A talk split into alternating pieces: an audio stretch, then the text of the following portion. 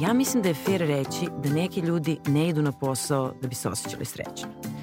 I to me mnogo zbunilo kada mi je jedan od članova jednog treninga na kome sam bila to i rekao. Rekao je, ja svoj posao obavljam dobro i uvek dobijam dobre ocene za to što radim, ali ako me pitate da li meni sreća na poslu važna, nije.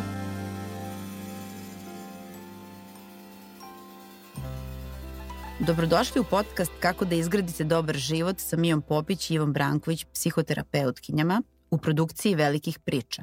Ja sam Ana Mitić, novinarka i urednica u Velikim pričama i Nedeljniku.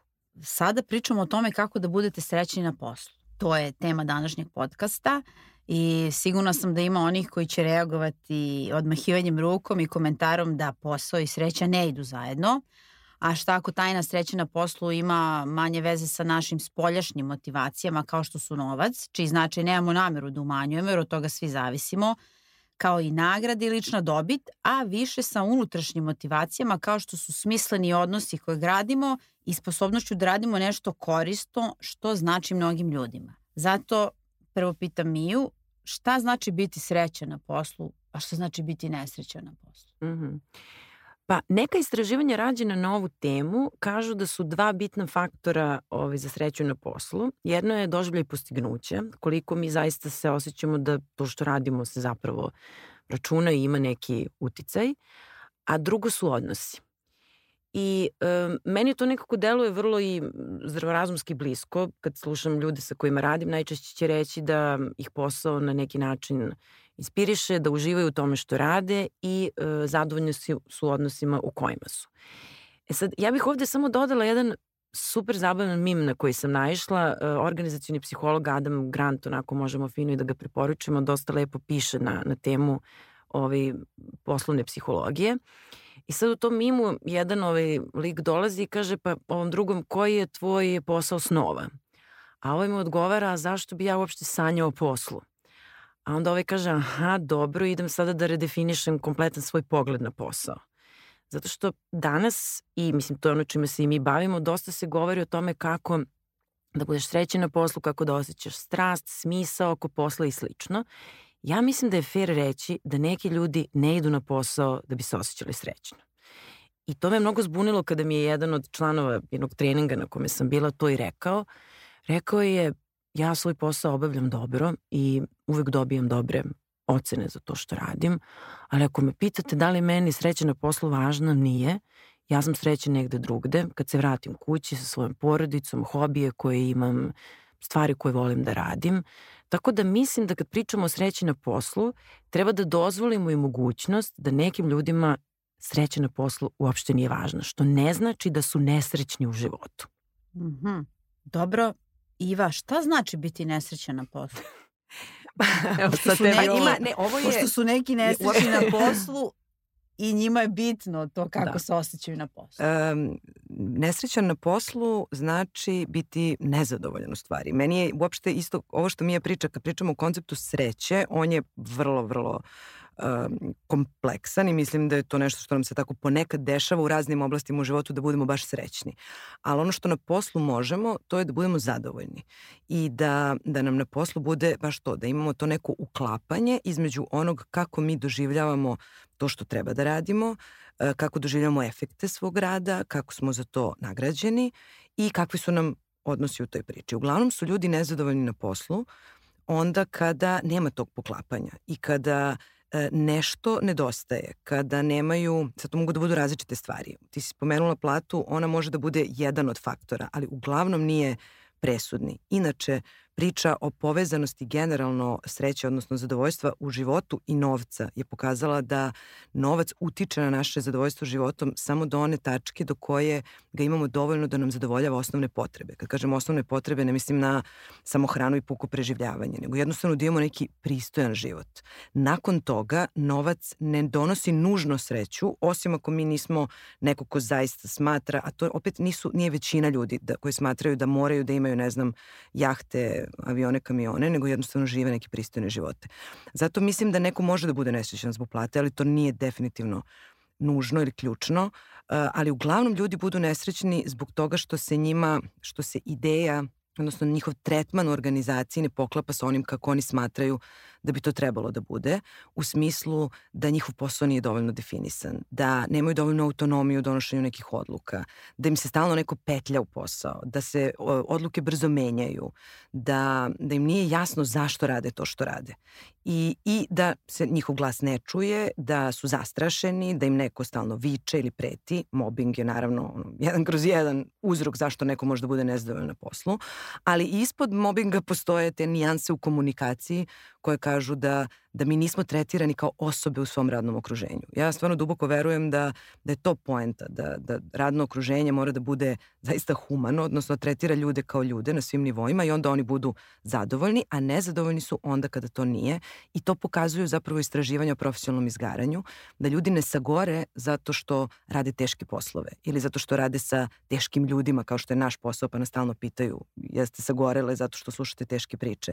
Ne, nije u tome stvar. Ljudi sagorevaju zato što rade u kontekstima kojim otežavaju i onako teške jel, poslove koje rade. Jer organizacijni kontekst je tu ključna stvar, a sam posao se onda radi bolje ili loše, voli manje ili više, u zavisnosti od toga kakav je organizacijni kontekst.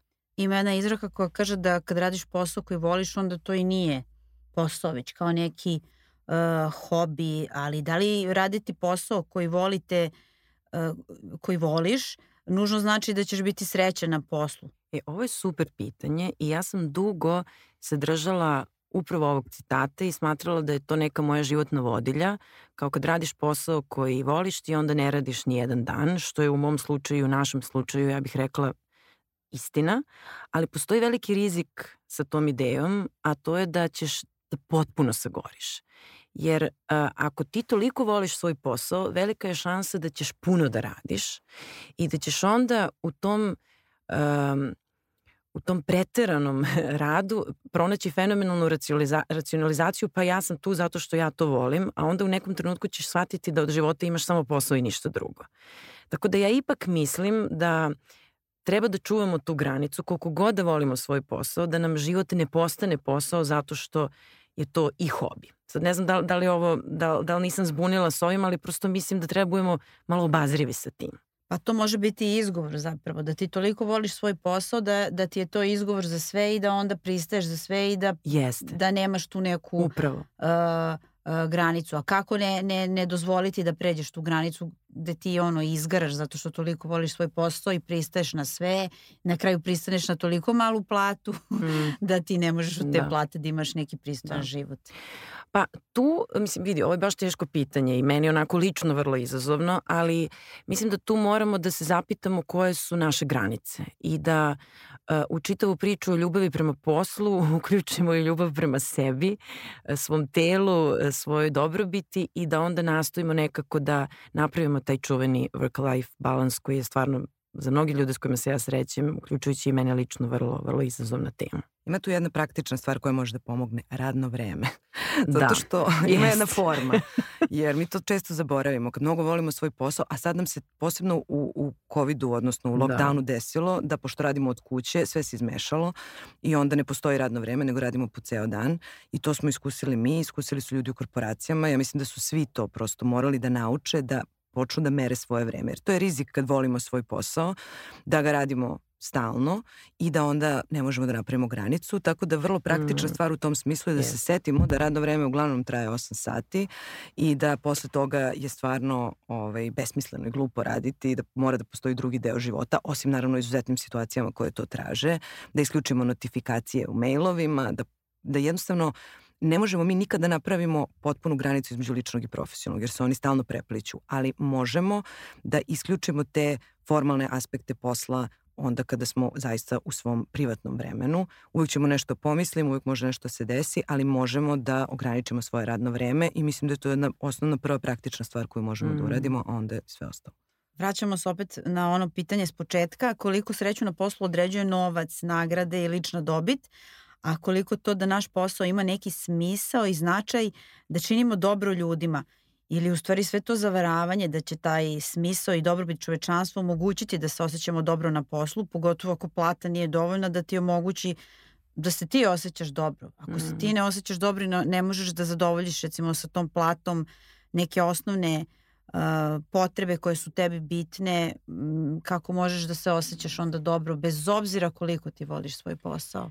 E, apsolutno. Ja mislim da ovde moramo da pričamo o Maslovljevoj hirarhiji potreba koja kaže da prvi nivo tih potreba jesu naravno naše egzistencijalne potrebe i to da možemo da zadovoljimo i imamo neki relativno pristojan život.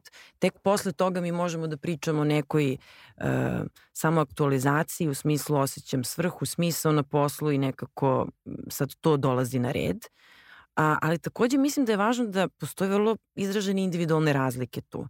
Ako bismo merili sistem vrijednosti kod različitih ljudi, to može da se meri sa različitim inventarima, možda bi se negde pokazalo da je nekome stvarno novac važniji od, ne znam, nekih drugih stvari. Um, u mom iskustvu ja mislim da ljudi stvarno uh, i ovo što je Iva rekla kao novac je uslov da budeš relativno ok sa svojim životom, ali onda posle toga jeste važno da li se ti osjećaš da to što radiš ima nekog smisla i da li ostavljaš neki doprinos na kraju krajeva. To je samo važno i razumeti sistemski kontekst. Ono što mm. se dešava kada stavimo novac i svrhu u, u istu priču, onda dobijemo to da neki naj um, svrsishodniji i svrhovitiji poslovi su u društvu najmanje plaćeni. Jer se podrazumeva da ti ljudi imaju svrhu kada rade te poslove. Pričam o obrazovnom sistemu, pričam o zdravstvenom sistemu, pričam o nekim ljudima koji brinu o našoj deci, koji brinu o našem zdravlju. Pomagački poslovi. Pomagački da. poslovi, da. naravno. Da I, ovaj, I onda to zaista bude izazov i e, zato je bi bilo dobro idealno, a s druge strane naravno ovaj, novac se okreće u nekim drugim industrijama koje, ne kažem da, da nemaju takvu vrstu svrhe, ali ona je svako drugačija. Mm. Tako da je to pitanje i, i kako mi vrednujemo svrhu i šta je zapravo svrha u, u jednom društvu. Da li je svrha i cilj samo uh, obogatiti se ili je svrha i cilj zapravo uraditi nešto što je, što je dobro i smisleno.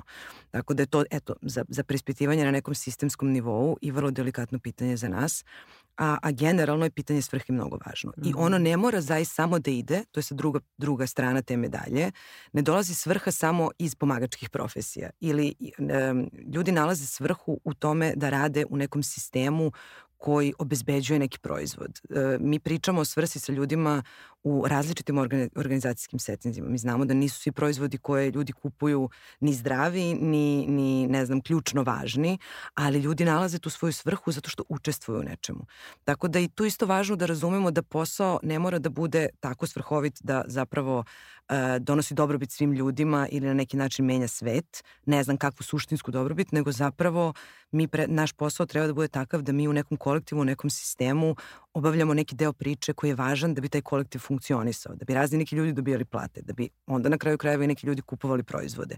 Tako da je svrha prilično individualna stvar. S jedne strane šta mene čini, šta čini da se ja osjećam svrhovito na ovom svetu i s druge strane kako da ja ostvarim svoju svrhu u profesionalnom kontekstu. I dobro je kad se te dve svrhe poklapaju, ali ne mora nužno da znači i ne moramo da idemo samo jednu svrhu. Mi možemo zaista da se brinemo o životnoj sredini o, tako što ćemo da o, budemo u nekoj organizaciji koja se time bavi ili da idemo na protest ili da radimo nešto tako, a da zapravo radimo za organizaciju koja se bavi, ne znam, duvanskim proizvodima. Jer ona postoji. I to ne znači da naš je život problematičan. On može da dovede do nekih etičkih dilema ili pitanja, ali u suštini mm. mi pronalazimo svrhu svaki dan. Pandemija je promenila odnos prema poslu iz korena. Ne samo što smo svi, to jest neki od nas radili od kuće, već je e, svet pogodio taj trend poznati kao veliki otkaz i ljudi su masovno davali otkaze u nekim zemljama, kao što recimo Italija. Uh, koliko ovaj trend ima veze sa osjećajem sreće i da li je pandemija mnogima nametnula to da sebi postave pitanje koliko su istinski srećni i zadovoljni poslom i da li taj posao ima smisla, uh, za njih, za njihov život i šta mogu da promene. Mm, ja mislim da se upravo to desilo i ono što mi znamo je da su se ljudi uh, u toku uh, pandemije i evo i sada ovaj, puno i razvodili i puno davali otkaza. Što znači da je ona stvarno napravila jednu uh, priliku u takvim nekim nesrećnim okolnostima da malo bolje pogledamo i sebe i svoj život i odnose i na kraju krajeva to da li radimo poslove u kojima koristimo uh, i svoje potencijale i osjećamo se na neki način svrsishodno. Tako da, da ja mislim, mene je to recimo iznenadilo, ali ispostavilo se da su ljudi u pandemiji pokazali jednu neverovatnu hrabrost. Davali su otkaz jer su prosto shvatili ako je život ovakav i ako e, je smrt jedna činjenica, sad vidimo da jeste i da, da ljudi umiru i da ni moj život nije baš sasvim ovaj, zagarantovan, onda bolje da se pitam kako ću da živim ostatak tog svog života i mislim da je to promišljanje zapravo navelo ljude na neke radikalne odluke na koje možda nisu spremni bili dok su živeli taj neki autopilot gde deluje da je baš sve nekako potaman. Mhm. Mm. A šta kad nisi srećan na poslu? Eto, ti ljudi su negde razumeli da, da to nije to i odlučili da promene, da daju otkaz. Uh, ima li tu uopšte spasa ili, ili bi trebalo menjati posao po svaku cenu, pa čak i da si bez posla, što naravno nije opcija za svakoga, jer ima neki koji to sebi ne mogu da, da dozvole. Ili su to ipak samo izgovori? Kao ne mogu ja da dam otkaz zato što ja imam dvoje dece i oni zavise od mene ili ne mogu da dam otkaz, ko zna kad, ko zna kad ću naći uh, drugi posao. Ima li spasa ili je kao da se poradi na odnosima na poslu, da nešto pokušaš da promeniš ili je otkaz? Hoćeš ti? Da, mislim, uvijek je to proces i davanje otkaza, iako deluje kao jedan čin koji se dešava u jednom trenutku, to je proces koji traje kroz vreme i mi prvo nekako flertujemo sa tom idejom davanja otkaza, pa onda razmatramo opcije, pa onda dolazi ta tačka kad se otkaz daje. I uh, uvek je bolje uh, kod, kod davanja otkaza imati druge opcije. Bez obzira da li, a redko ko ima sad neku baš tako jaku sigurnosnu mrežu da može da bude, ne znam, bez posla nekoliko meseci. Tako da e, važno je da, da imamo druge opcije, da to razumemo kao proces, da ne okrivljujemo sebe ukoliko nismo spremni u nekoj situaciji ili iz praktičnih razloga ili čak psihološki zbog straha da, da damo otkaz, ali isto tako važno da onda kada uh, odnosi u kolektivu postanu toksični, a to su priče o mobingu ili o, o tom baš zlostavljanju jel, u, u profesionalnom kontekstu, da je tada važno da se svakako što pre da otkaz. Jer toksični odnosi stvaraju onaj efekt skuvane žabe, gde se mi, oni nikad nisu, oni obično traju kroz vreme, nikad to nije jedan incident, jer svi znamo kad nekom jednom, ne znam, pukne film ili se desi nešto da to može da se dogodi, ali uglavnom postoje odnosi koji traju kroz vreme gde su ljudi sistematski zlostavljani i to je nešto iz čega treba da se izađe odmah.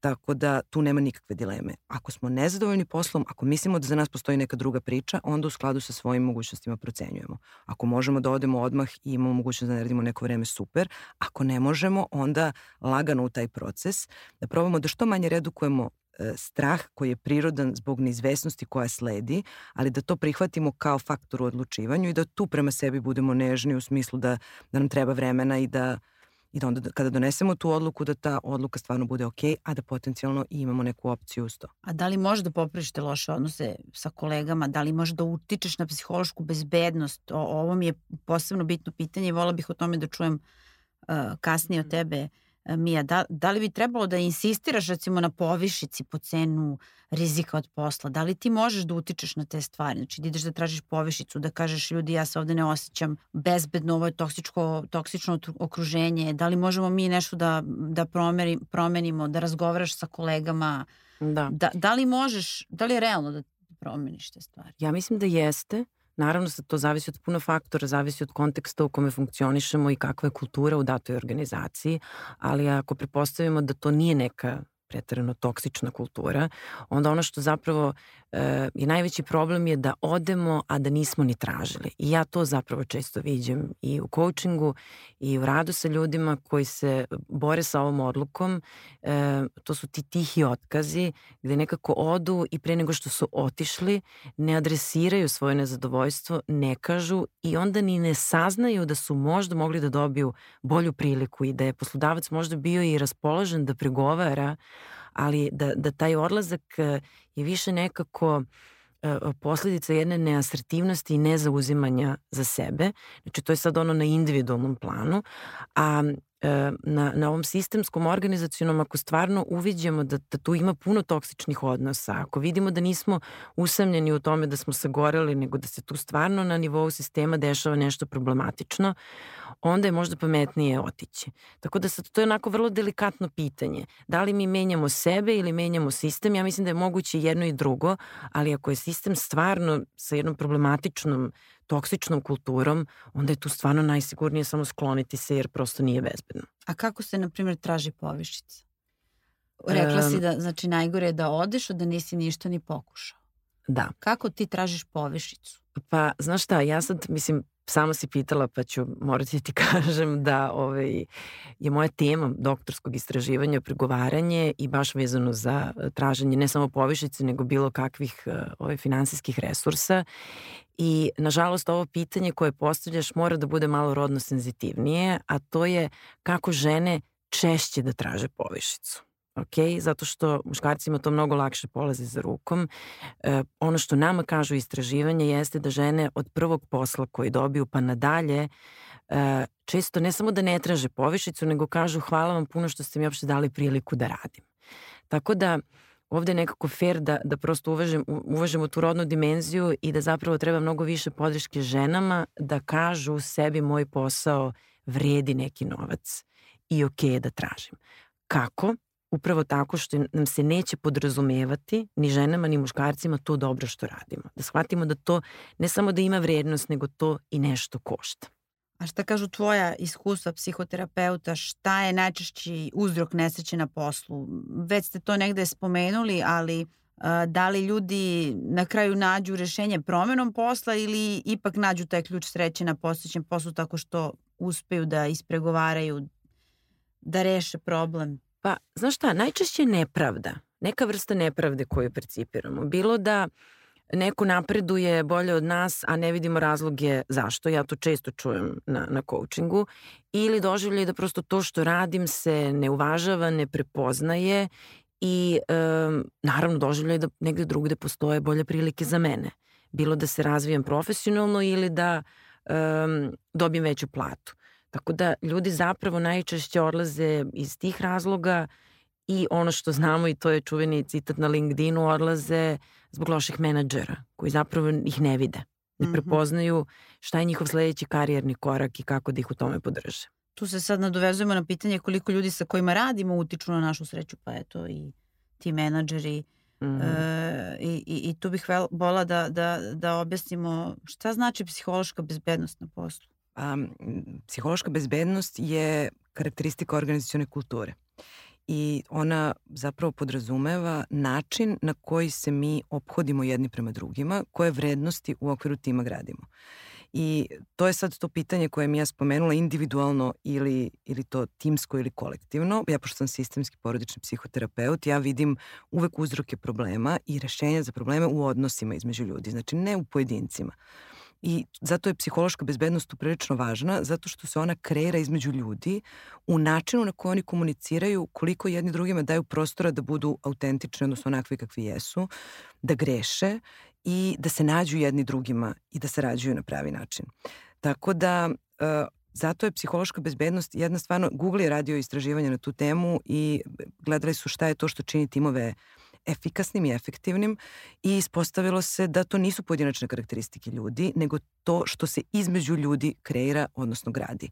I zato je možda odgovor na pitanje šta um, da li sistem može da menja pojedinac, po sistemskoj teoriji da, kad se desi promena u jednom delu sistema desit će se u celom, ali suštinski ono što treba da se neguje to su ti odnosi, odnosno vrednosti, odnosno način kako uopšte ljudi funkcionišu u organizaciji. I zato je to pitanje uh, ove odgovornosti menadžera koje mi je spomenula i zato je tu važno da stavimo odgovornost na pravo mesto, zato što e, previše stavimo na, na onako e, osobe, na, na pojedinačne ljude koji treba da e, brinu o svom blagostanju, da budu srećni u privatnom životu, da budu srećni na poslu, a jednostavno rade u nekim kontekstima o kojima neki drugi ljudi treba da brinu. Tako da kad neko rukovodi nekim timom ili organizacijom, on je odgovoran za to da tu postoji psihološka bezbednost i da bi ljudi bili zadovoljni, a iz druge strane zato što će tako timovi bolje da rade, da se razumemo, jer nije poenta posla da mi tamo budemo srećni, poenta je da nešto proizvedemo, da nešto kreiramo, da se nešto novo desi što može da se proda.